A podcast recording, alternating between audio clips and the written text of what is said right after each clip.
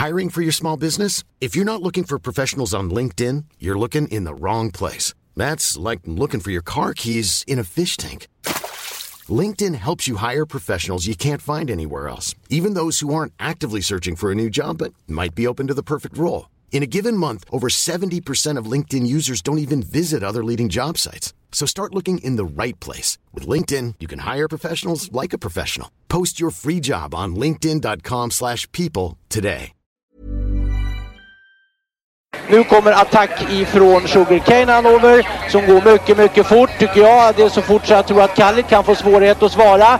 Sugarcane Hanover vänder ut och in på fältet. Startbilen är i rörelse till Svenskt travderby 1987. What the horse, what the driver, nummer ett McLobel och John D. Campbell. Maharaja la Suède, Maharaja s'est retrouvé, le retour, le comeback de Maharaja le 17. Vid några tillfällen. Jag trodde att det var en av de bästa hästar jag hade tränat för. Det tolkades på vis. Du behöver inte misstolka det längre, för det här är den bästa häst jag har kört och tränat någon gång. Hur är läget? Bra tack. Jag är utvilad och fin. Har varit på en veckas skidsemester i Alperna. Så eh, jag är extra motiverad för dagen att träna och tävla igen. Mm. Du var i Italien va? Italienska Alperna, ja. Just det. Mm. Hade en kanonvecka där med sex dagars sol. Så det, jag har aldrig åkt så mycket skidor som denna vintern faktiskt. Denna veckan. Så det, var, det erbjöd så fina utförs. Pisterna var underbara och eh, så det var ett härligt gäng. Vi var iväg, vi var åtta killar. Det var bättre än tidigare till och med. Ja, det, för det skidområdet var bästa någonsin vi har varit på faktiskt. Sevilla i Italien. Jag hörde något om den längsta backen du åkte i till och med. Ja, det var ju en utförspist som var ju 22 kilometer. Och eh, den åkte man ju inte ett svep ju. Ja. Man fick stanna och vila lite emellanåt men eh, det var häftigt att åka så långt utan att behöva åka lift. Hur, hur var benen när du... Förvånansvärt bra, förvånansvärt bra får jag säga. Så eh, faktiskt inte haft någon träningsvärk alls. Är du vältränad annars liksom? Inte vältränad men jag håller igång en del. Jag, eh, jag försöker cykla och promenera till vardags och så på vintern simmar jag minst en kväll i veckan. Jag har spelat badminton hela livet eh, innan men knäna sa ifrån för ett par år sedan så nu har jag gått över till simning istället. Och minst en kväll i veckan eh, simmar jag och det känns bra för nacke och rygg och ha lite andra rörelser för man, man sitter ju så mycket i vagn. Jag, jag tränar ju mer än någonsin nu och, och tävlar också mer än någonsin så får ju försöka hålla kroppen i någorlunda trim och, och, och det är den faktiskt. Ja, för utifrån blir man blir orolig för ryggar tycker jag. Men du styrketränar du också eller? Nej, nej ingen så, inget. Ja, det. Mm. Om inte minst när man ser i ligga baklänges i jänkarvagnarna. Så. Ja, det, ibland kör jag mycket i jänkarvagn så känner jag lite i höfterna. Ah, Okej. Så det blir ju lite en annorlunda vinkel där. Och det har ju blivit en ny, ny grej de sista åren, även för mig ju.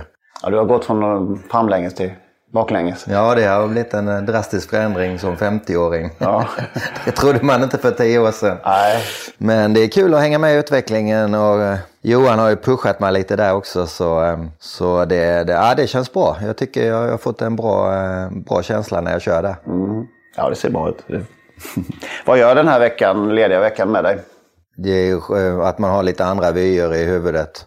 Och, eh, för det, vi har ju väldigt tufft program emellanåt. Eh, träna så mycket hästar som jag gör och, och tävla. Det, är- det är ju, egentligen är det omänskliga veckor emellanåt. Men eh, det, det bara flyter på. Och vi har bra organisation och så länge jag är så här frisk och, och fräsch och motiverad så, så kör jag på så länge jag och tycker det är kul.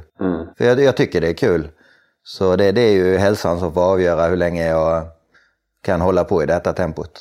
Ja, för det är ju en fråga som ständigt återkommer till en utomstående, liksom, hur ni orkar.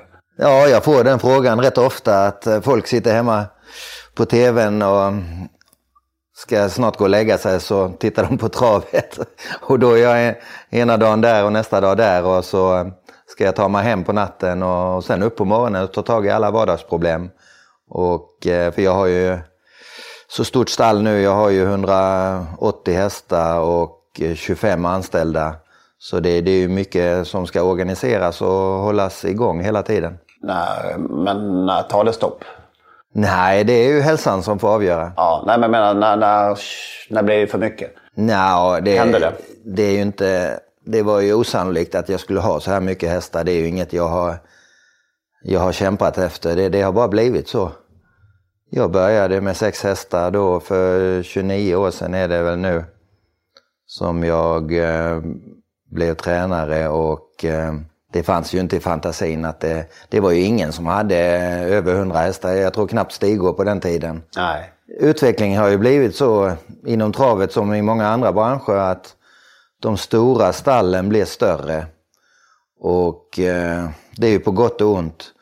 Nu, nu är jag på den ena sidan där att jag har ett stort stall och då, då surfar jag på vågen så att jag är ju smickrad givetvis att folk vill lämna hästar i träning till mig. Men eh, för travets helhet är det väl inte bra egentligen. Hade, hade mina hästar delats upp på fyra, fem stallar egentligen hade det varit rätt stora stallar ändå ju. Men eh, nu är det som det är och nu, nu kör jag på det så länge jag tycker det är kul och allting flyter på. Borde det finnas som begränsning rent av tycker du? Nej, det är också oerhört svårt. Det tycker jag inte. För då, då hade det bara fuskats. Är du bra på att ta ledigt i största allmänhet? Eh, Eller hur, hur, hur är du under, under sådana perioder? Ganska dålig på att ta ledigt. Men jag, jag trivs liksom. eh, Skulle jag spela golf en eftermiddag skulle jag få prestationsångest. Jag vet så mycket jag hade kunnat göra i mitt stall den eftermiddagen egentligen. Så Annars. du, inte prestationsångest på, ta- på golfbanan utan, Nej, utan på att jag eh, missar saker? missar saker på, eh, i stallet. Så nej, jag, jag är dålig på att ta ledigt, det är jag. Men jag, jag trivs att gå i stallet också, så det, jag, jag saknar inget annat. För eh, man ska vara där man trivs och för mig är det en dröm som har gått i uppfyllelse att jag får göra det jag gör nu. Vad har du gjort idag då? Idag har jag tränat på gården i Holm. I Holm, ja just det. Vi har ju en, eh, det är ju Kari Läderkorpis före detta gård som jag hyr nu. Johan och jag hyr. Och eh, så bygger han, eh, han har, bygger ett stall, granntomten nu, så han bygger eget stall där ute också. Och eh, nu är det 90 hästar och så bygger han 40 till. Så eh, det blir en rätt stor kamp. Så jag har, tränat, jag har tränat där ute idag, det är tisdag idag. Just det. Och ett gäng på banan också. Ja, sen avslutade vi med vid lunchtid och hade några hästar inne från gården som gick ett banjobb. Det, det måste vi, vi har ingen rundbana där, vi har rakbana och backe och eh, emellanåt behöver de något rundbanejobb. Annars är det mars, en mars-tisdag här som du sa. Men du är avstängd. Du skulle till Jägers ikväll annars. Men, men du är i en avstängningsperiod. Ja, ja normalt är det Jägersro alltid tisdagar. Och eh, nej, jag tävlar ju ungefär fem dagar i veckan. Om vi ska ta lite från början. Du är född i Österrike som alla vet. Vad, har du några minnesbilder från den tiden? Ja, det har jag ju. För det var ju, jag är uppväxt med min pappa bara. Eh, han tog hand om mig när jag var liten och sen eh, flyttade vi. Han träffade en svensk där nere som eh, sa att eh, du kom med till Sverige. Mina föräldrar har ett stort gods och de är mångmiljonärer och de har ett fint jobb till dig där. Och eh, han trivdes inte med sitt jobb där så helt osannolikt tog han mig då jag var fem år och tog tåget till Sverige. Han hade jobb klart. Och det var ju granngården till eh, travbanan här i Halmstad. Det var ju familjen Kyllenstierna. hade ett stort gods där, Spellingsholms gods. Och eh, där jobbade han eh, som eh, betjänt och privatchaufför. Han var lite allt i allo. Han, han servade de adliga där, Kyllenstiernas. Och han eh, trivdes så bra så han eh, jobbade där hela sitt liv och nu är han eh, glad pensionär och han är 85 år. Han var bra. Ja, han, han börjar bli lite gammal han också men eh, han har haft ett väldigt friskt liv, det har han. Hur minns du eh, barndomen? Ja, den, eh, den var ju lite annorlunda för jag, jag växte upp med de Kyllenstiernas. Det var ju barn och barnbarn i slottet och vi bodde faktiskt på själva slottet de första 8-10 åren. Vi bodde i ett rum vid ena flygeln. Och, eh, men den var väldigt bra uppväxten för jag, jag fick växa upp med deras barn och de var väldigt snälla mot mig och såg inte någon skillnad att jag, jag var tjänstefolk tillhörde tjänstefolket. Så eh, jag hade jättebra uppväxt och så låg det ju nära travbanan. Så det var ju en slump att jag började cykla hit när jag var liten. Och sen eh, i stora drag sen jag var 11 år har jag varit här varje dag. Och jag ångrar inte en dag. Det är så? Ja. Ja jag hade flytt att vi, vi hamnade här och eh, att det byggdes en travbana. Så det, det har gett mig mycket glädje och gör fortfarande. Var, var finns din mamma i bilden? Hon eh, har bott i Österrike hela tiden. Eh, vi, hade, vi har haft god kontakt med henne hela tiden. Och, men eh, det blev väl bara så. Jag kom till av misstag. Och så blev det att min pappa tog hand om konsekvenserna.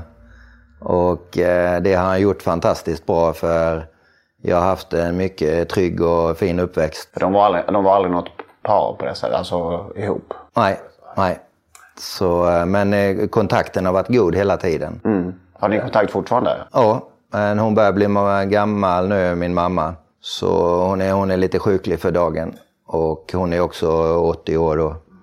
Men hon har följt din karriär och... Ja, hon har varit i Sverige två gånger. Två gånger faktiskt bara. Sen har jag ju varit nere och hälsat på eh, också. För vi, vi åkte alltid på semester. Min pappa var noga med semester så eh, vi var alltid i Österrike varje sommar. Medan jag växte upp. Det är mycket slump här? Eller? Är oerhört mycket tillfälligheter. Att uh, min pappa träffade en av Kyllenstiernas söner där på godset som um, blev ut Eh, han hade lite problem här så han, de skickade ut honom utomlands så han skulle komma i en annan miljö och så träffade han min pappa där. Så blev det de lite kompisar och så följde med till Sverige. och så låg travbanan här. Så, så det, var, det var inte utstakat Nej. utan det var tillfälligheter som avgjorde allt. Att jag skulle bli travtränare. Och en av Sveriges största just, just för tillfället? Ja, det, ja, jag har lagt mitt liv åt hästarna och travet och det, mm, ja, det har, jag har brunnit för det och gör det verkligen fortfarande. Och, och jag, jag har stor glädje av det. Vad gjorde de här Kyllenstierna? De... Ja, de hade lantbruk okay. och mycket skog, kraftstation, elverk. Och det drivs, eh, jag har kontakt med dem eh, fortfarande. Jag har inte lyckats få dem att bli hästägare men eh, det är bara en tidsfråga. Mm. ja, det borde finnas potential i alla fall. Ja, i bra, bra, vad heter det? bra kunder på auktionerna. Ja, ja. precis.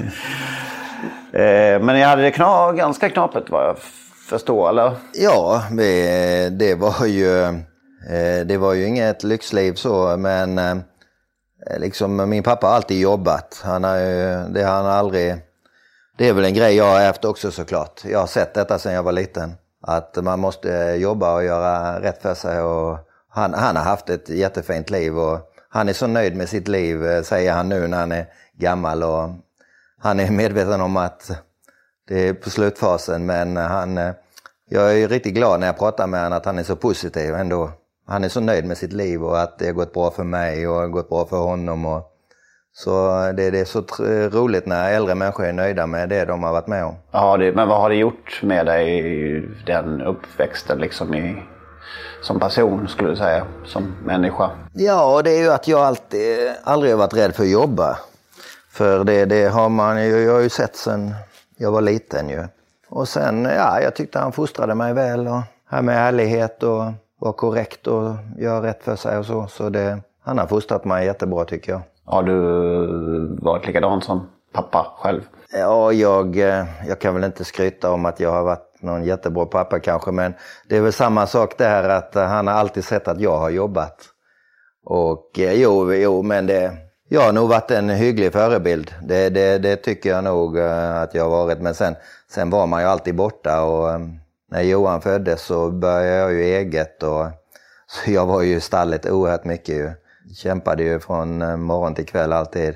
Jag är ju jätteglad att han inte tog avstånd från detta för det, en del gör ju det att de tycker att det blir för mycket. En del eh, tränarbarn har man ju sett men eh, jag är ju glad att han, han fick ju själv välja om han ville hålla på med hästar men eh, jag är ju glad att han tände på det. För det var en härlig känsla när han kom cyklandes efter skolan till travet sen och så har vi haft så mycket att prata om och han började med ponny och hade motgångar med dem men så kämpade han där och så fick han framgångar och jag pushade han lite men, men han fick göra allt själv. Och eh, det har gett han en bra skola att eh, om du kämpar så finns det möjlighet att det går bra. Så eh, han har inte fått det på silverfat trots att han är tränarbarn. Hur tidigt började han? Ja, han var ju i ponnyskola var det på Halmstadtravet då. Och det var ju jättebra för eh, de hade ju kul barnen runt omkring där också ju. Och jag, minns en, en rolig grej med, han hade en ponny som hette Hippos Joker och eh, den var rätt dålig. Och eh, så åkte vi ju ibland på söndagar och la en hel söndag, och åkte på någon ponnytravbana och så ja, blev den diskad eller sist. Och, så det, var, det var ju rätt tråkigt ju för hela familjen. Och eh, det var ju liksom dålig stämning på vägen hem. Men så pratade vi där så sa jag att du, du måste ju hitta på någonting. Så jag, jag föreslår att köra intervaller med honom eh, varannan dag. Och tills han startar nästa gång. Ja, men så gjorde han det. Så körde han intervaller varannan dag i tre veckor. Och så åkte vi iväg en söndag. Och så blev han trea och fick 50 kronor och en rosett. Va? Och då var det klackarna i taket. Och eh, en sån grej tror jag är väldigt viktigt för ett barn och en yngre människa. att eh, Då märkte han att han hade kämpat där tre veckor och gjort, lagt manken till och ändrat på någonting. Och så fick resultat efter en månad där. Så eh, det, det, var, det är nog viktiga upplevelser. Vi var ju så glada alla, hela familjen. Eh, det var ju en härlig känsla att det blev eh, utdelning på jobbet ju. Har du själv någon liknande eh, upplevelse som, som var sådär viktig i din ungdom? Ja, men i, i ungdomen direkt, men i själva tränarlivet jag har haft så många av framgångarna har ju blivit för jag har kämpat såklart. Det var lika svårt för mig som för alla andra när man börjar som egen. Ingen, eh, jag hade sex hästar och eh, jag började från noll.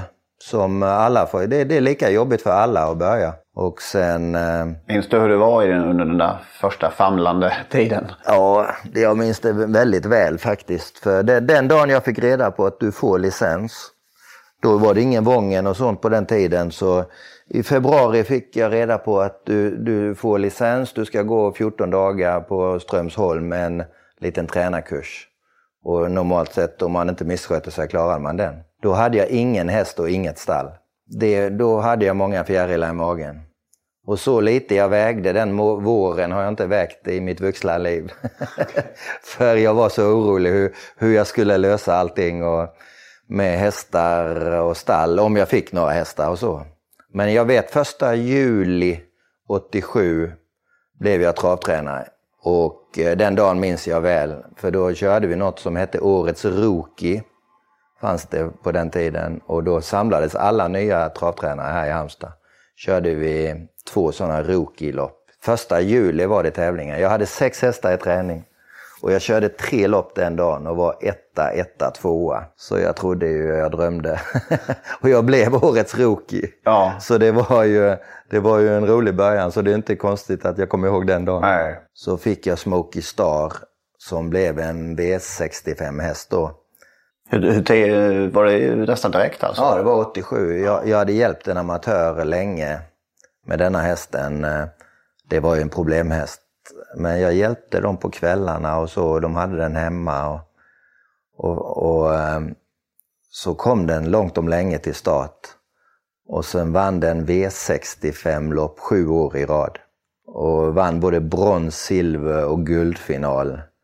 Och det var ju en underbar språngbräda för mig. Att få en sån eh, V65 hette det då ju.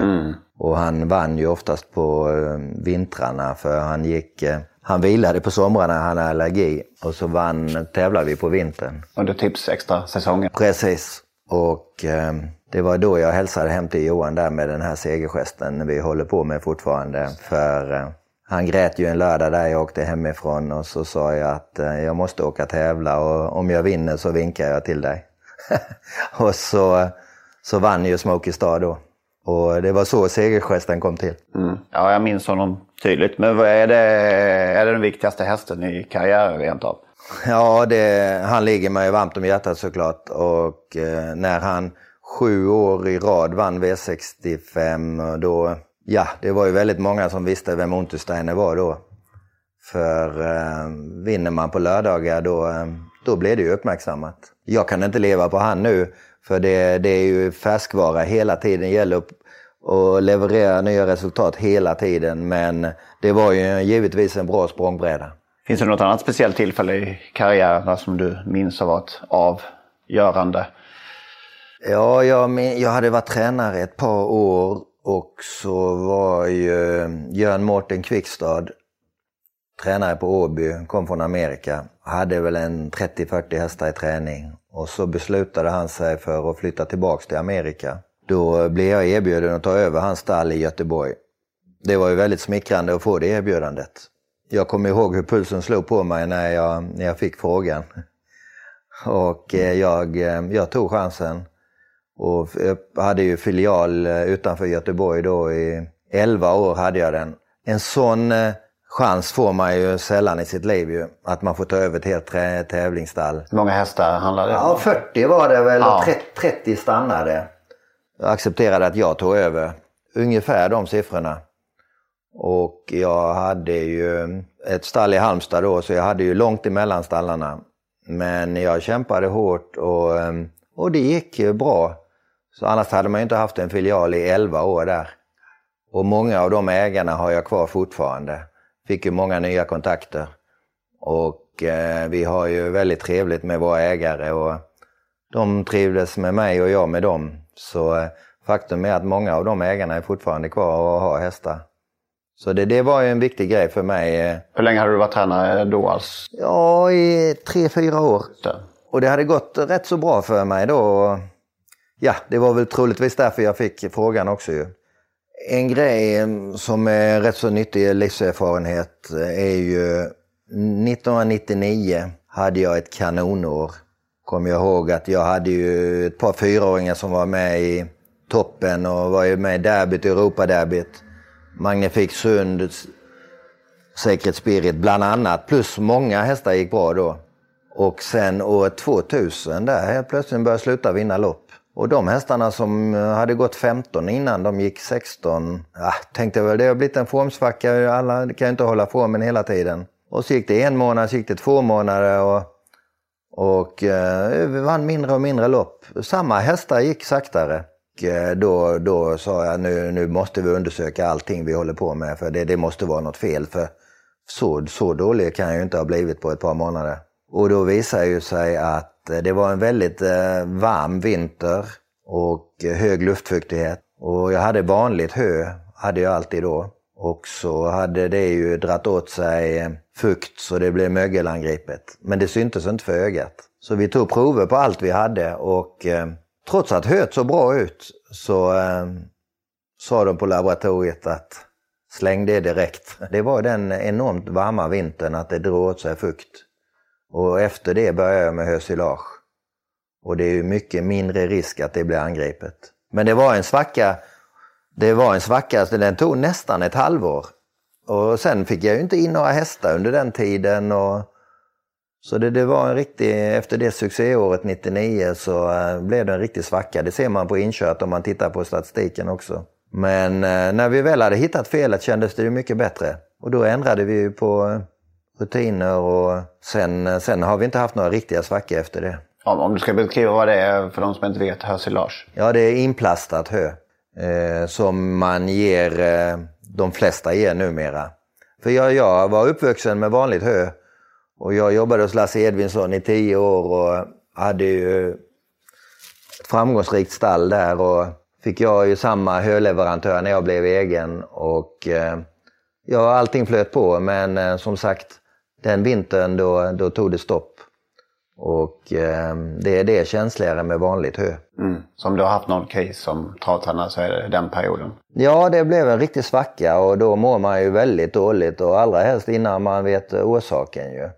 För liksom, jag tyckte allting var som vanligt men eh, hästarna eh, sprang ju inte som de skulle. Men, men hur har du det med självförtroendet allmänt? Ganska lugn av mig ja, men, eh, men det här med att jag, jag mår, eh, fortfarande mår jag eh, inte alls bra när inte stallet fungerar. Eh, tyvärr tar jag väl jobbet med mig hem och dygnet om. Eh, men det, det är lättare sagt och gjort att inte göra det. För eh, har det gått dåligt då en, en period så, så är det lätt att vakna på nätterna och, och älta det där lite. Det, Vad, vad är det som snurrar då? då? Ja, med hästar. Om det är problem med hästar. Det, för det, allting kretsar kring, hästar.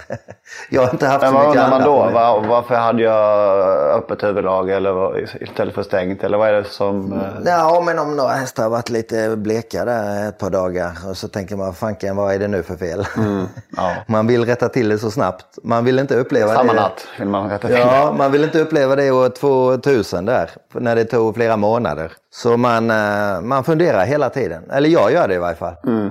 Det, det är väl på gott och ont. Har du någon annan sådär lärdom som du har tagit efter alla år som travtränare? Något speciellt sådär? Ja, vi har ju inte pratat om att eh, jag jobbade ju tio år hos Lasse Edvinsson. Jag hade man inte trivts bra hade man inte stannat tio år. Eh, jag hade ett halvårs tjänsteledigt, jag var, gick hovslagarskolan. Jag ville lära mig det riktigt. Men han var ju en eh, väldigt så här korrekt och reko tränare och den moderna, modernare varianten av tränare som kom då när, eh, på 80-talet när V75 började. Jag minns eh, när jag var liten, vi fikade här, så pratade de om eh, V65 och ATG. Det bildades väl eh, 73, 74 va? 74 där, ja, precis. Så det var ju, då var ju öronen stora på en liten grabb då ju.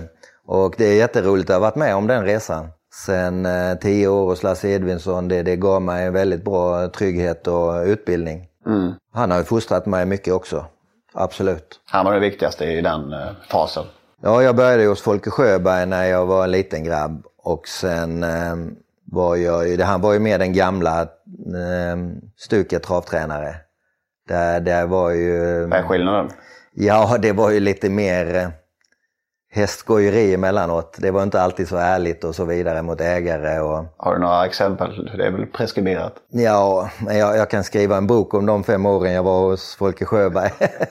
det, har, det har hänt mest Du får osannolikt. ge oss ett litet eh, smakprov. Ja, ja det, ju, det var ju eh, den eh, storyn jag har berättat eh, offentligt innan också. Så eh, när en ägare från Göteborg, det, betalningsmoralen var ju inte så bra på eh, 70-talet med, till travtränare. Så var det ju en eh, ägare från Göteborg, Andersson kommer jag ihåg han hette, han hade en häst i träning. Så ringde han en dag och svarade folk, eh, ja hur är det med min häst? Så frågade han Andersson. Nej, den är död, sa han. Va? Vad har hänt? Nej, du betalar ju inte räkningarna så den svalt ihjäl. Jo, jo, men jag var på banken igår. Ja, ja, då ska vi se vad vi kan göra. och, och vi fick liv i hästen. Jag fick det, ja. Vad skönt. Ja, vi ser fram emot eh, boken. ja, ja det, det är en, eh, då får vi ha ett radioprogram till om jag ska dra allt det. ja, jag förstår. Jag tror alla är överens i Travsverige om att du alltid har haft välmå, välmående, fina, välputsade hästar. Men det har ju hänt någonting sista åren. Man vore ju dum om man håller på med samma grej i, i 30-40 år och inte lär sig något. Eh, och jag har ju alltid varit en sökande tränare och liksom man har kämpat att eh, försöka nå toppen. Och vi har ju haft ett framgångsrikt stall i många år men sen 2011 så fick vi ett lyft till. Och eh, jag tycker väl de sista 5-6 åren då, då är vi ju riktigt i toppen nu faktiskt. Är- 2012 körde du in 11 miljoner och de två senaste har det varit 22. Så att, eh, här har hänt något Ja. kan man säga. Ja, det har varit en fin... Det gick inte dåligt innan heller. Men då låg vi på ungefär samma nivå. Men sen, eh, sen de sista fem åren har vi lyft oss ytterligare ett snäpp. Kan du peka på fler saker som har gjort det? Ja, jag... eh, Lite, lite utveckling av mig själv hoppas jag. Och eh, det här med Johans uppväxt och hans framgångar. Det har ju pushat mig såklart. Att eh, han har ju också ifrågasatt en del grejer jag har gjort och vi liksom pratar om det. Och, och att han utvecklar mig som har ett modernt uh, ungt tänkande. Och sen har han varit hos två väldigt framgångsrika tränare och, och tagit med oss lite, lite erfarenhet och kunskap där. Mm. Och framförallt hans engagemang, det, det gör ju att min karriär förlängs också ju. När han, eh, han är på det. Du blir yng- yngre också. Ja, lite i sinnet i varje fall. För eh, det är så väldigt roligt ju att eh, vi har samma drivkraft båda ju. Så vi, vi peppar ju varandra och det är nog en grej som har gjort också att jag, jag vill fortsätta utvecklas och, och hänga med. Blir man ju oerhört nyfiken på vilka grejer som han har påpekat. Ja, det, det, är, ju, det är ju många. Jänkarvagnen bland annat. Ja, ja. Du kan ju inte sitta som en hösäck pappa. Nej, okej. Okay. Vad är tränings... Eh, vad säger man? Redskapsmässigt? Vad... No, men vi, nu tränar vi ju i Halmstad båda ju och eh, har ju samma kamp och samma travbana. Men vi tränar inte exakt lika, det gör vi inte, men vi diskuterar ju vissa grejer ibland. Han kör sitt race och jag lägger mig inte i det. Men eh, ibland eh, blir det ju lite frågor från båda hållen ju. Och då, då är det ju jättebra att bolla med någon som kan häst och trav. Mm. Som man respekterar ju. Så, så det är jättebra bollplank ju. Men om man ska... eh, Vad säger man? Sammanfatta det hela. Tränade du för snällt tidigare? Är det så man ska... Lite grann. När det gäller att själv hitta rätt hästar där också. Då, då antar jag också att det är en sak som man hit- hittar bättre och bättre med åren. Ja, man har, har ju fått lite chanser att köpa, fått lite kapital att köpa och sen har jag ju köpt många själv under åren som jag vill ha i mitt stall som jag letar kund till sen. Och eh, jag är ju väldigt intresserad av stam och unghästar. Är ju ute och tittar hela tiden ju. Och eh, det, det ger ju lite erfarenhet, vissa grejer man ska passa sig för och vissa, man får lite mer feeling för vissa grejer. Kommer du på någonting som, man, som speciellt som man ska passa sig för? Ja, men du, du ska ju få feeling för hästen och, och blick, blicken och uttrycket det betyder mycket när det väl drar ihop sig sen. Eh, det tycker jag att... Eh, Att man får samspel liksom? Eller, ja, men att hästen har en lyster i och en glädje i ögonen tycker jag. Ja. Eh, det, det är ju en av grejerna. Och sen exteriören, eh, den blir ju bättre och bättre på de flesta hästar ju. Nu när avlen har gått framåt så mycket. Och så ska det ju finnas potential i mödernelinjet. Det, det, annars är det ytterst sällan det blir någonting om det inte finns något, något bra bakom där. Jag minns när du flyttade till, du, ja, som sagt du var inne på tidigare att du har en del av verksamheten i Holm. Hur länge har det varit nu? Eh, tre år har vi varit i Holm och eh, det är ju en lyft för min verksamhet. Jag minns när du flyttade dit att du till och med bad en av de före detta anställda, eh, eller om han, hon kanske var anställd hos dig då, eller ta mig ut på banan och visa hur Kari tränade. Ja, eh, det var, Kari hade ju varit tränare där i 15 år någonting och eh, så jag hade ju aldrig tränat på den kampen. Han hade ju tränat fram 250 V75-segrare där och en av hans eh, före detta lärlingar, Eija, hon började hos mig. Hon hade jobbat många år hos Kari. Eija, en finska. Och så körde vi ut och så sa jag att Eh, kör nu som Kari gjorde så får jag se eh, vad jag tycker om det. Och eh, det gjorde vi. Vi körde ett träningspass och ja, jag, tänkte, jag tyckte att det kändes ju vettigt ju. Och jag behöver ju inte vara någon besserwisser och krångla till det. Att den, den träningsupplägget funkade på den kampen ju. Och i stora drag har vi tagit efter det. Och tränat så och det har ju varit väldigt bra får jag säga. För eh, vi har redan tränat fram många V75-segrare på den kampen. Det låter väldigt prestigelöst. Är du prestigelös som, Ja. som person? Ja, det är jag verkligen. Det, det har jag. Jag behöver inte klappa mig om bröstet och säga att det var jag som kom på det. Det var ju... Folke Sjöberg kom ju på sidostängerna, sa han ju. Men så var det ju den här jävla Sören Odin som tog åt sig äran. Sa Folke. Nej, så det, sen har vi finlirat lite på det upplägget såklart, men eh, i stora drag, absolut. Varför jag, jag är ingen besserwisser och behöver ändra på allting där. När, när det är något som fungerar och jag tyckte själv det kändes bra.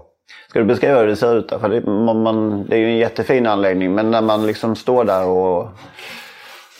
man fattar ju inte riktigt att kan det, vad är det som gör det? Ja, det är en liten backe, en rakbana i en backe.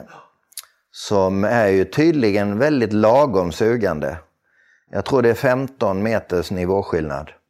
Och man, liksom, man känner inte så mycket att det är så, för det är ingen, det är ingen mördarbacke. Men Nej, vi, vi, tränar, vi tränar 40 tempo där. Åtta intervaller som mest. Eh, jag tränar ju mindre och mindre fart. För de, de, det har hästarna i sig av sig själva. Framavlat liksom. det är den tekniken de har nu, de flesta hästarna, då, då behöver man inte träna speed. Liksom. Det, det, jag tränar aldrig speed, det gör jag inte. Och eh, just lite äldre hästar passar ju extremt bra på den kampen, har det visat sig. Men då är det en, optimal lutning eller även underlaget liksom. Ja, det är ju rätt så krävande underlag och så lagom lutning tror jag, det, det verkar så. Ja. Att eh, de får kämpa de sista 200 utan, utan att de knäar i mål, att det precis, blir precis lagom. Du toppar aldrig eh, hästar på, på, alltså du säger att du inte kör fort men det, det är aldrig någon sån där riktig... Jag har gjort det lite under åren. Men jag håller mig mer och mer. Vad var det, jag sa ju här 2014 hade vi ett succéår. Eh, det var ju bara två år sedan. Då vann vi kriteriet, storchampionatet, storderbyt. Vad jag kommer på snabbt nu och sen eh, många, vi vann riktigt stora lopp. Plus en massa V75 och inte en häst på hela året körde jag en tuffare intervall med. Jag höll mig hela tiden, trots att de här stora loppen, det är så jäkla lätt att vara sugen och, och liksom, du ska göra det ännu bättre. Men jag höll mig hela året. Det funkade. Ja, det, ja, det blev bra resultat. Så jag, jag toppade, eller jag gjorde inget annorlunda, jag kunde hålla mig. För jag- måste få berätta en toppning jag gjorde. När det är sprintermästare i Halmstad, då vill man ju vara extra bra. Den meetinget. och så var det ju en häst jag hade, Harmonic Silvio. Han, detta är väl tio år sedan. Ja, minns jag faktiskt. Han var ju helt okej häst. Jag bad att jag skulle få ett bra spår. Och vi fick spår tre. Och eh, den hästen, den toppade jag. Eller jag, jag gav han, eh, jag gjorde några eh, grejer där innan, några dagar innan där. Så jag sa det att antingen så dominerar vi banan eller så åker vi ut baksidan i passgång. Och för det var ju, jag mötte Adams Hall. Jag sa att vi måste köra 12 första varvet, sen öka. Och för tio år sedan var det rätt så tuffa uttalanden. och precis så blev det. 12 första varvet och så började Adams Hall anfalla. Och så bara hukade jag mig. Och eh, vi vann på 11 med 30 meter. Det, det, det var en härlig känsla. Jag tror jag till och med ringde i intervju inför det loppet och sa någonting i stil med att det får bära eller brista. Ja. Men det, det blev ett väldigt bakslag. Det, på, Okej. det blev en succé den dagen. Men sen blev det ett jättebakslag på hästen. Det är ju det som eh, det inte har blivit i vårt stall nu de sista åren för att jag har inte toppat och då troligtvis har ju därför många har hållit lång och bra form. Det var en lärdom till och med, den, just den grejen. Ja, det var det. Det var ju det du tjänar på en kort stund förlorar du på i längden. Det var inte värt att segerdefilera där borta Ja, det, den, dagen tyckte jag ju, den dagen tyckte jag ju det. Vad är största skillnaden annars i travet idag och för 15 år sedan? Ja, det är ju en grej som vi var inne på innan, att de stora stallen blir större. Och eh, de, eh, flera, mera av de små får jobba åt de stora. Så, är- så är det ju för mig nu också. Och nu, nu tillhör jag de stora stallen och då, då surfar jag på vågen. Det är en av skillnaderna. Sen är det ju mindre folk på... Jag har ju lite gamla tavlor i stallet och vanliga, vanliga bonnatävlingar på söndagar.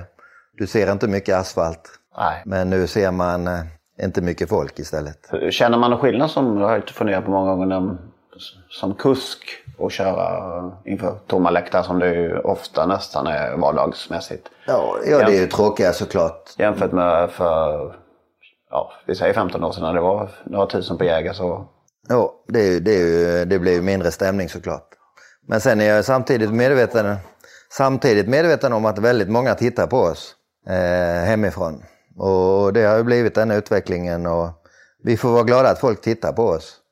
Och så må, må vi hoppas att stordagarna håller sig och det verkar ju göra så. För då vill ju folk vara på plats och ha fest och kul och träffa kompisar och hålla traditioner. Så eh, du märker inget avtagande i ägar, eh. Ja, det, jag gör ju faktiskt inte det. Jag vet ju att många gör det, men jag är ju lyckligt lottad eh, i det fallet att jag har ju, har ju 180 hästar i träning. Och folk... Eh, Utspritt på lika många ägare som tidigare? Ja, det, det, det fylls på. Eller har flyt att det dyker upp folk. Och sen har jag kämpat väldigt under åren och få ihop konsortium och så vidare. Så jag, eh, det har ju inte trillat över mig det här. För jag har ju, min målsättning var i många år att försöka ha 15-20 ettåringar varje år. Och eh, jag har verkligen slitit för att få det. Hur är det att gå från 100 till 180 som det nu är rent organisatoriskt? Då? Det har funkat väldigt bra. Vi har, jag hade ju vana att driva storstall och skillnaden var ju att jag fick en kamp också men det är en kvart emellan. Och bra träningsförhållanden där också. Och, eh, så det, det, har inte, det har varit små problem bara. Och, eh, så det, det, har, det blev aldrig något växtverk tycker jag. Nej. Och så... Fascinerande, det är nästan fördubblingen då. Ja, men som sagt, eh, det, det, det var inga problem. Sen eh, det, det som, den som har fått jobba allra mest är ju Marie, Johans mamma, som sköter mina papper och eh, den biten blir ju jobbigare med mer personal och all, allt runt omkring. Så Marie drar ju ett väldigt tungt lass i stallet. Eh, det vill jag ha sagt för att eh, är hon borta en vecka då, då märker man hur mycket hon gör. Mm. för är hon hemma så tycker jag inte hon gör något. Nej, men det är ju väldigt viktigt att den biten funkar. Så eh, där, hon drar ju ett väldigt stort lass så att allt funkar runt omkring. Eh, med så många bitar det innebär och med 25 anställda och allt foder och veterinär och, det, och transporter och det ena med det tredje ju. Så eh, där, vi kompenserar varandra väldigt bra där. Hur orkar du med liksom, du har kontakt med hästägare eller hur? Ja, jag har väldigt bra kontakt tycker jag. Och sen har ju många ägare kontakt med sina skötare. Det, det har blivit ännu bättre med åren. Har, har vi så bra folk så ägarna tycker mycket om att prata med skötarna också. Och eh, ja, jag är som regel alltid anträffbar. Ja, du svarar alltid när man ringer och vill ha kontakt med dig i princip om, om kommande starter och så vidare. Ja, jag har, jag har vinklat det under alla år att det är mycket värre om det inte ringer. För då, då är vi ju inte på tapeten och då har vi inga intressanta hästar. Så vissa veckor är det ju oerhört mycket om det är V75 och 86 och alla är intresserade av våra hästar. Och, så det, det blir väldigt många repetitioner många gånger men... Eh, det är ju lätt att säga, säga eh, och att många kan säga så men det är inte alltid alla som är som lika bra som du? Nej, men jag, jag har inte svårt att prata med folk. så det, det, Givetvis är det ju lite jobbigt vissa veckor. Men eh, det, i stora drag har det gått jättebra. Får jag säga. Och folk respekterar bra också. Eh, många i varje fall. Eh, att försöka tajma in när de ska ringa och så. Jag svarar aldrig telefon på förmiddagen. För då måste jag koncentrera mig på träningen. Och sen ringer jag upp på eftermiddagen och när jag åker till tävlingar är det ju många som tar chansen. Jag tycker, jag tycker det funkar bra, trots att jag har så mycket. Och, fram, och sen att skötarna drar också bra, gör ett jättebra jobb ju. Har du kontrollbehov så att du vill ha koll på det? Liksom, eller hur? Jag har förstått att du har ett ganska, ja, det, ganska bra kontrollbehov. Ja, det, det, det är väl på gott och ont det där också. Så eh, jag, jag börjar ju lära mig lite, lite mindre. Jag litar ju på folk. Jag vet ju att jag kan lita på mina anställda. Men sen när det kommer in någon ny och sådär så vet ju inte exakt mina rutiner och så. Så, så ibland måste man ju kolla lite extra då ju. Man, det får ju bara inte bli fel till något lopp för då, då mår jag så fruktansvärt dåligt. Är hästen eh, inte tillräckligt bra, att den inte räcker till och så vidare så det, det är ju inget att göra åt men det får bara inte bli fel med utrustning eller balans eller något sånt. Det, det ska verkligen kännas att det är max när det är ett lopp. För, för varje lopp. För annars mår jag mycket dåligt, känner jag mig som en mycket dålig tränare. Om, om ett enda lopp? Ja, om det brister på att eh, det har blivit eh, slarv någonstans. Mm. Det får inte brista på det. kan jag ju köra fel och så vidare. Det kan hända så mycket men det ska inte vara något slarv i förberedningarna. Hur är du som chef annars tycker du? ganska bra hoppas jag. För eh, eftersom många stannar länge. Rätt så bra på att berömma. Tycker jag. För eh, jag har alltid varit smickrad av det själv. Liksom, och jag märker att jag tänder till. Ju. Och att eh, det finns ju många skötare som aldrig syns på en travbana i lopp och så vidare. Och de gör ett kanonjobb. Och eh, jag uppskattar verkligen det när folk engagerar sig. Och det var ju som jag sa innan att jag har så många fina ungdomar. Så jag, jag, jag tror att jag är ganska bra arbetsledare. Och, och blir lite bättre och bättre för jag, jag växer ju med uppgiften och lär mig lite under åren såklart.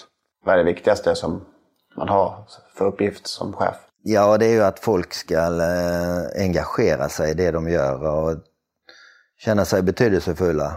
För, eh, och det är jätteroligt att få ha ansvar och, och, och eh, jag, har dialog, att om man vill prova något nytt på den hästen och den hästen. Och det är roligt när folk kommer med idéer och det, det kan ju vara jättebra som eh, grejer som inte jag ser. Som eh, vi försöker, vi, att vi har ett gemensamt mål att få hästen så bra som möjligt. Och då är det ju bra om det är mer än en hjärna som tänker. Ja, vi är inne på att det gått väldigt bra sista, sista åren och får, ibland får jag en känsla av att tränare som tar kliv i utvecklingen får någon slags misstänkta blickar på sig. Har du upplevt något, något sånt? De som har följt mig här, eh, det, det känns som att de flesta unnar mig detta. Det måste jag säga. Mm. Och det tycker jag är jättehärligt att ha den känslan.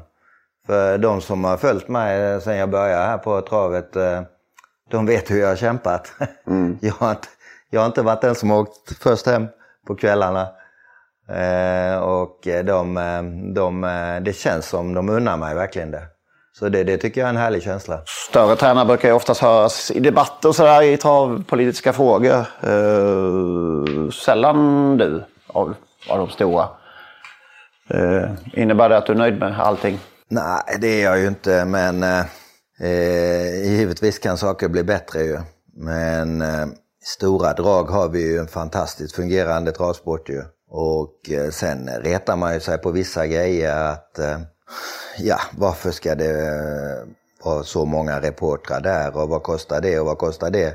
Skulle vi inte kört om de pengarna istället? Som det skickas ner reportrar till Halmstad från Stockholm ett helt, eller alldeles för många ibland och gör något litet reportage och så tre dagar efteråt så kommer det några nya och ska göra från nästa stall. Eh, det har man ju, sådana grejer tycker jag att eh, det, det, det måste kosta skjortan ju. Och eh, att det, det, det är väldigt dyra omkostnader runt omkring. Att vi, vi får ju lite för lite tillbaka till prispengar. Det, det tycker vi ju alla, vi är aktiva. Mm. Och, och det, jag hoppas ju verkligen att det, det jobbas på det. Jag säger ju till alla mina ägare att detta är ju ett nöjeskonto det här att äga häst. Att det, det får man vara beredd på att det kostar. Det är ett nöjeskonto. Att man går back. Ja, att jag ska försöka uppleva, försöka leverera upplevelser som är obetalbara. Och sen kan det ju bli bingo ju eh, med en eh, travhästar och det har vi ju haft många roliga exempel de sista åren i vårt stall ju. Att ha haft obetalbara upplevelser och sen till och med blivit utbetalning när året är slut ju. Så det, det är ju inte många hobbys som det kan bli så på ju. Finns det några andra frågor som du...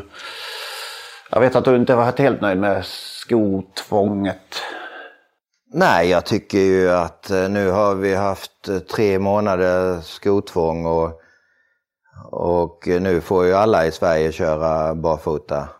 Och det är ju, det är ju tränarens ansvar året om.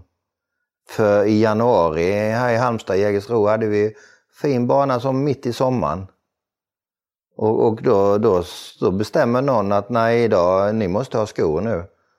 Och sen kan det ju vara olämpligt i i maj på några banor i Sverige om det är dåliga förhållanden och, att, eh, och då, då eh, får man köra utan skor. Så jag, jag tycker absolut att det är tränarens ansvar året om. Och jag, jag vill ju inte köra en häst utan skor om jag inte tror, tror att det är bra för den. Jag vill ju att den ska springa så fort som möjligt och må så bra som möjligt. Och mår den bra så springer den ju fortare. Så jag, jag tycker det är ett skrivbordsbeslut som jag tycker det är helt fel. Mm. Inte bara för spelarna att få någon bra riktlinje då? Det, det, det hände ju inte så mycket. Om man ska sammanfatta det. Att hästarna sprang ju ungefär som vanligt ju. Men jag tycker ändå det är, det är tränaransvaret som eh, kanske för spelarna att de tycker det är tryggare. Men eh, jag tror de flesta spelarna har inte tjänat mer eller mindre pengar ändå. Ju, va? Det, det är så mycket annat som spelar in. Så det står ju inte och faller med om de går med eller utan skor. Så enkelt är det ju inte. Skor på yngre hästar till exempel är det mycket diskussion om om det är bra eller dåligt för dem att springa med eller utan skor. Var, var står du där? Helt och hållet upp till tränaren om man vill köra en två, eller, tvååring med eller utan skor. Hästen är född utan skor och det är det naturliga. Och vi tränar ju unghästarna länge utan skor bara för vi tycker det är bra för hovarna att utvecklas. Och, och sen att någon annan ska bestämma att vi inte får köra med skor i tävling. Jag, en del som slår på sig mår ju bättre att gå utan skor ju. Så det, det tycker jag är fel. Det är upp till tränaren hela tiden. Vissa tyck, tycker tvärtom att, att, det, att det hämmar utvecklingen på, på hästen. Men, men det är inget som du Nej, det, jag tycker det, det är upp till var och en och tycker de så, så, så får de göra det ju. Så det är ju upp till, tränare har ju olika idéer ju.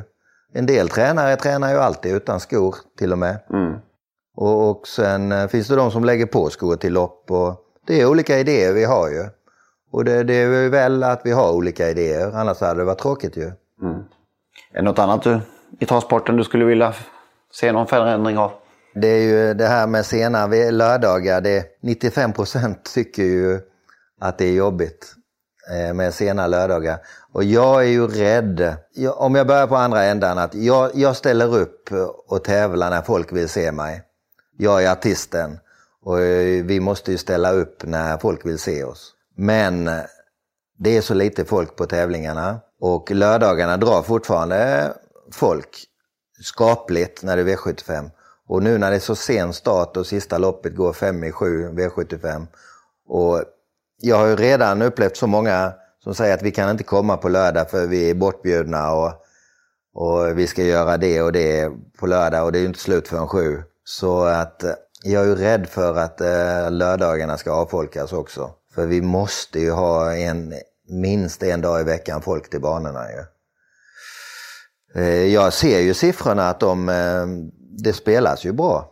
Det gör det. det jag följer det med spänning. Och för det ligger ju verkligen i mitt intresse också ju.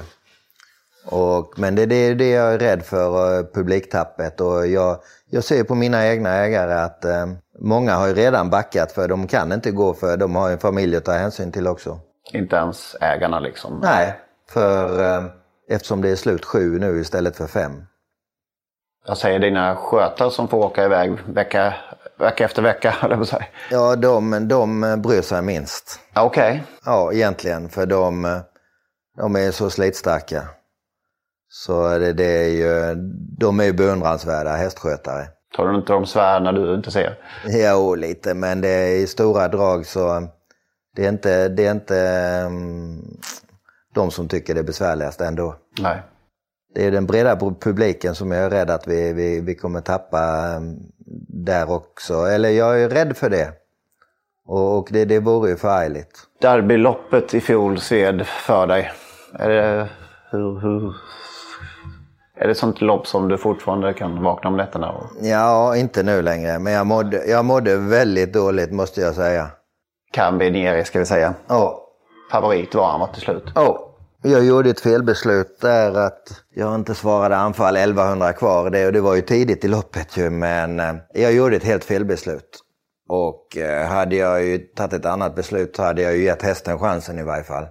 Och troligtvis varit i striden. Jag, jag kände det som fullständigt misslyckat. På, på grund av ett lopp ju. Eh, jag mådde då själv, ägarna tog det jättebra, som väl var.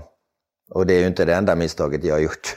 Det gör vi ju alla ju. Men när det hände i ett sånt lopp så, så äh, hänger det ju kvar ett tag ju. Hur länge hängde det kvar? Ja, det, det hängde kvar i ett par veckor faktiskt. Lite granna ju, lite granna men äh, jag mådde ju riktigt dåligt två, tre dagar ju. Va? Men så måste du gå vidare, det är ju kört ju. Det är ju kört ju. Det är, det är ju så mycket annat som har varit positivt. Men det är ju så jävla lätt att hänga upp sig på varför jag förlorade med den fjärde.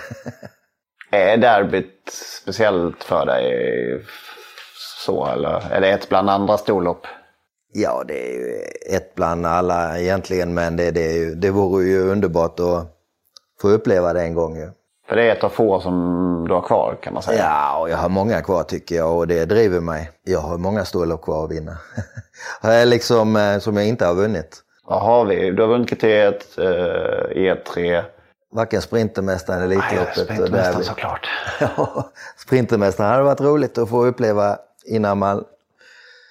Innan, det hade varit roligt att gå här som gammal och skrävla lite när man vann Sprintermästaren. Hur länge orkar du hålla på som kusk? Ja, det, vi får se så länge jag hävdar mig. Så... eh, Märker du någon skillnad? Nej, tycker jag inte. Inte nu i varje fall. Har du ändrat din körstil också? Lite grann ju eftersom man har bättre hästar ju. Och då, eh, då är det ju lättare att ta initiativ ju. Men man märker inte reaktionsförmåga och sådana saker? Som... Nej, jag tycker inte, inte nu. Nej, tycker jag nog inte. Men det är ju en tidsfråga, det är jag medveten om ju. Var Stig hon när han slutade? Var det var han 60? 60 tror jag. Men det är ju bra i mitt fall att andra kusken är bättre än första kusken. Så, så det är ju inga... Ser du det så? Ja, det gör jag ju. Så det är ju inget stort bekymmer. Som heter Johan ska vi säga då kanske? Ja, menar du? precis. Ja. Ja, du har skämtsamt sagt till mig någon gång att, att ni tar folk när ni kommer utanför banorna och travmiljö. Att nu, då börjar det snurra i huvudet. Jag vet inte hur mycket allvar du menade den gången. Men, men eh, hur, eh, ja, hur mycket allvar var det i det? Ja, i mitt fall stämmer det ju bra. jag, jag är inte speciellt allmänbildad. Och eh, kommer jag utanför spåret så har jag inte så mycket att komma med. så man är ju, eller jag är ju fackidiot i varje fall. Så jag, eh, jag kan inte mycket annat men eh, jag har rätt så bra koll på mina 180 hästar och, och verksamheten. Och sunt förnuft har jag väl hyggligt också ju. Men eh, som sagt, kommer jag utanför där så är jag inte speciellt allmänbildad. Du saknar inte eh, livet utanför höll jag på att säga. Egentligen inte. För jag har haft, jag har haft och har så mycket glädje att vara här i stallet. Och, och eh, nej, så jag, eh, nej, jag gör inte det. För det, det, jag, jag minns när jag gick i skolan och tänkte, vad gör de nu? Ja, nu, nu är det det momentet i stallet och så. Liksom, jag bara längtade hit. Från vilken ålder? Ja, det var ju när jag gick i högstadiet där. Och att liksom jag, jag verkligen längtade att få sluta skolan så jag kunde jobba fullt ut. Det måste varit långa dagar de där sista, Ja, sista åren. de, jag missade ju en del också ju. Så, Okej. så det... Skolkade helt enkelt? Ja. Och Så så jag- pappa då? Nej, jag märkte inget. Ah, okej. Jag lurade han.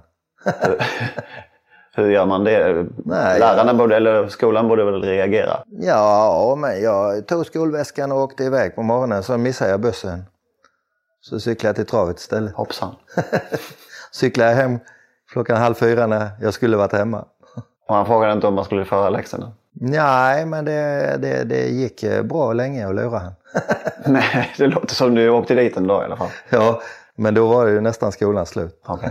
Det slog mig när, när intervjuaren på Solvalla annandag jul tror jag det var, frågade om du hade fått Johan, av Johan i julklapp. Kommer du ihåg vad du svarade? Eh, jag vinkyl va? Nej, det sa du inte, men det var ju... Ja, jag också fick jag. Ja, Okej. Mm.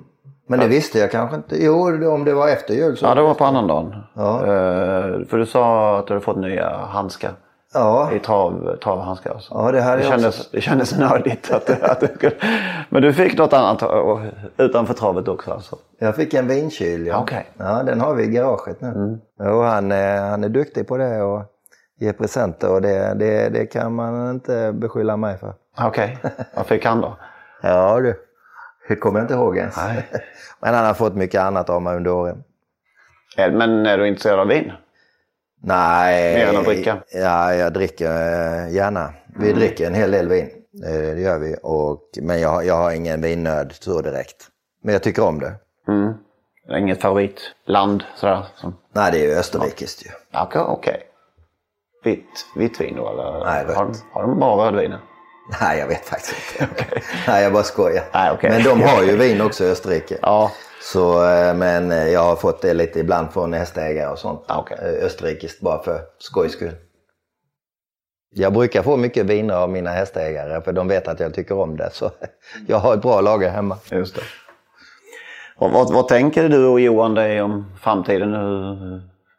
Har ni något liksom... Kör ni på som det är nu eller har ni någon plan? Ja, vi, eh, vår dröm pågår ju nu.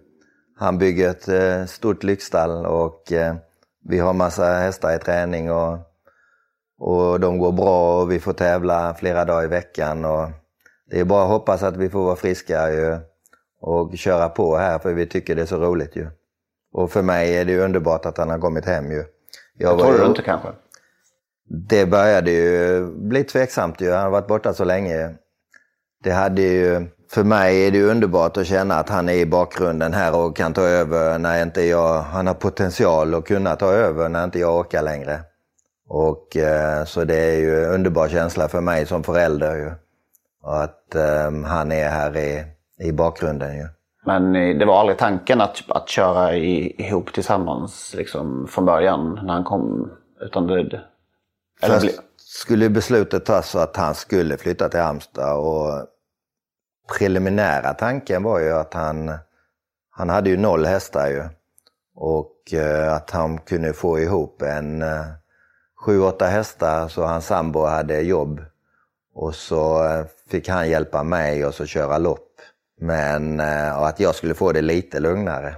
Men det blev ju tvärtom. Att han fick ju så många hästar så han inte haft tid att hjälpa mig en enda dag. Och Eh, han har ju 90 hästar själv i träning ju. Men han hjälper mig köra lopp när det passar ju. Men eh, att han eh, är någon försteman i mitt stall så, så blev det ju aldrig. Lite så var tanken men vi sa att vi måste ju flytta hem först så får det ge sig efterhand. Men det var ju helt osannolikt han skulle få 90 hästar på ett år ju. Men han, han är populär och många tydligen ute i landet bara väntade på att han skulle bli egen för han har ju fått hästar från lite varstans. Det är inte mina hästar han har fått. Nej.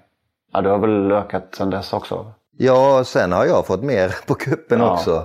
Så det, det, är rätt så märklig utveckling egentligen. Men eh, det är ju smickrande för oss att uh, folk vill ha hästar i träning hos oss. När njuter du som allra, allra mest, skulle du säga?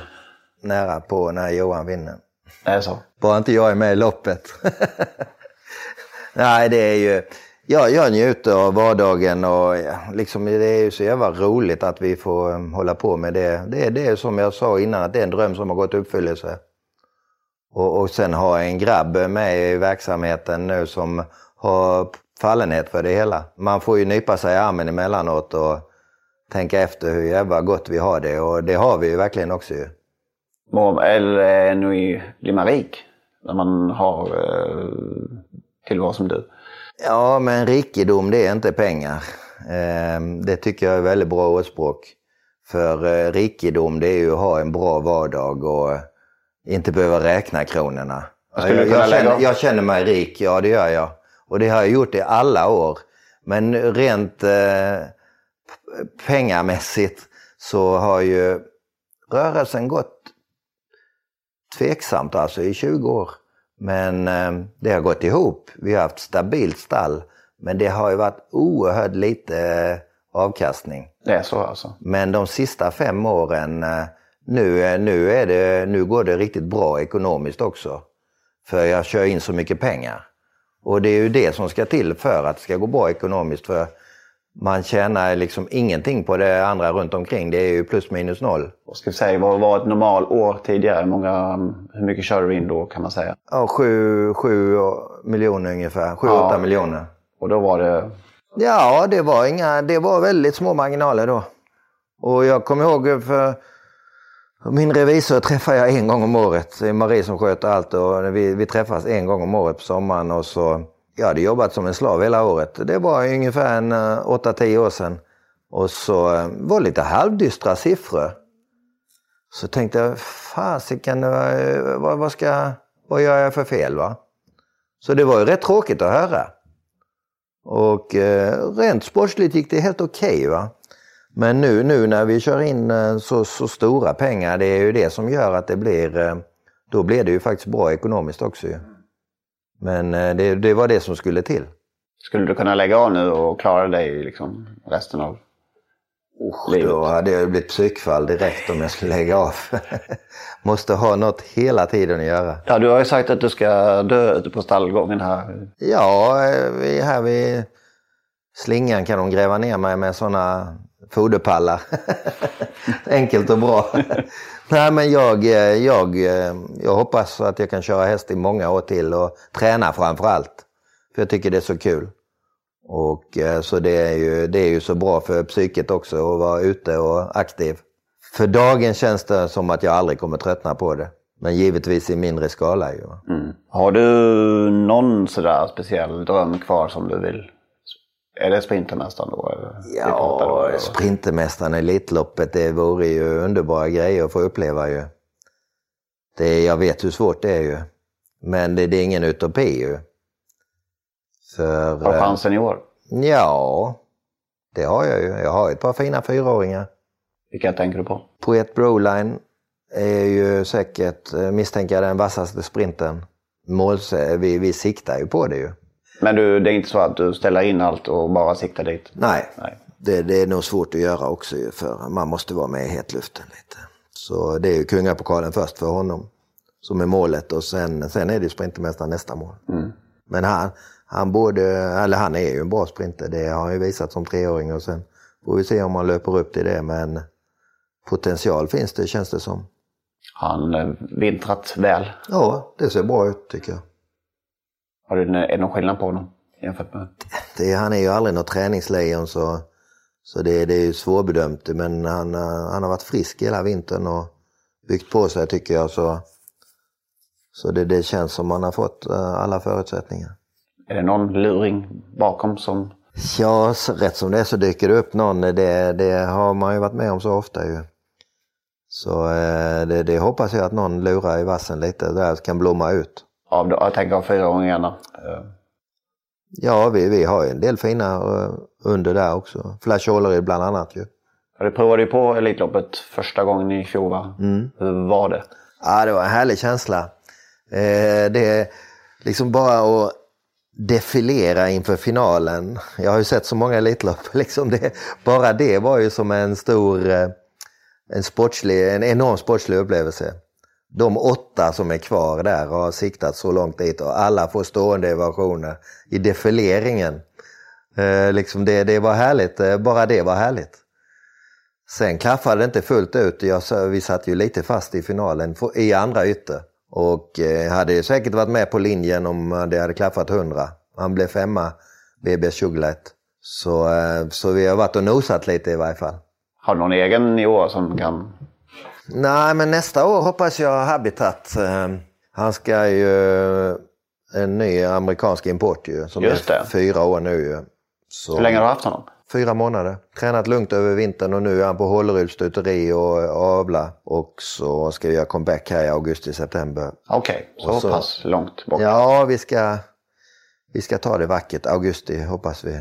Så är planen och sen kör vi fullt ut nästa år. Och ja, målsättningen är Elitloppet nästa år. Vi, vi har en lång utstakad plan för det.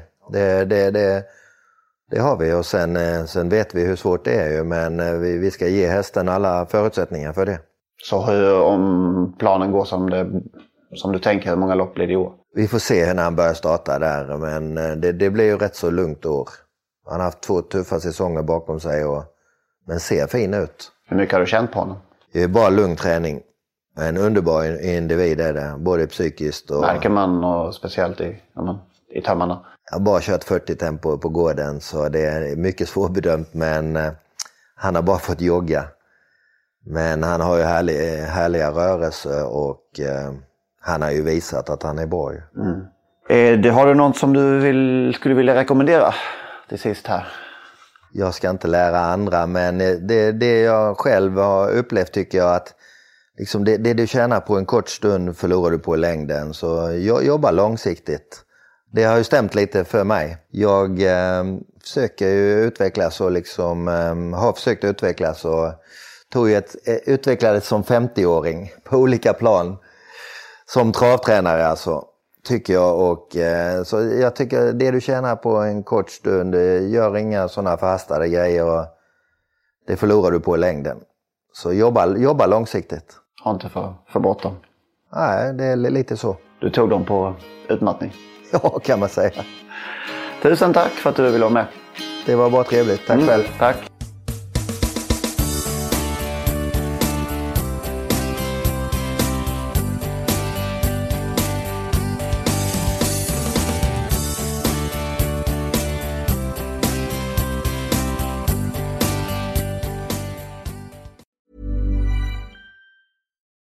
Deserves the best, and there's no better place to shop for Mother's Day than Whole Foods Market. They're your destination for unbeatable savings, from premium gifts to show-stopping flowers and irresistible desserts. Start by saving 33% with Prime on all body care and candles. Then get a 15-stem bunch of tulips for just $9.99 each with Prime. Round out Mom's menu with festive rosé, irresistible berry chantilly cake, and more special treats. Come celebrate Mother's Day at Whole Foods Market.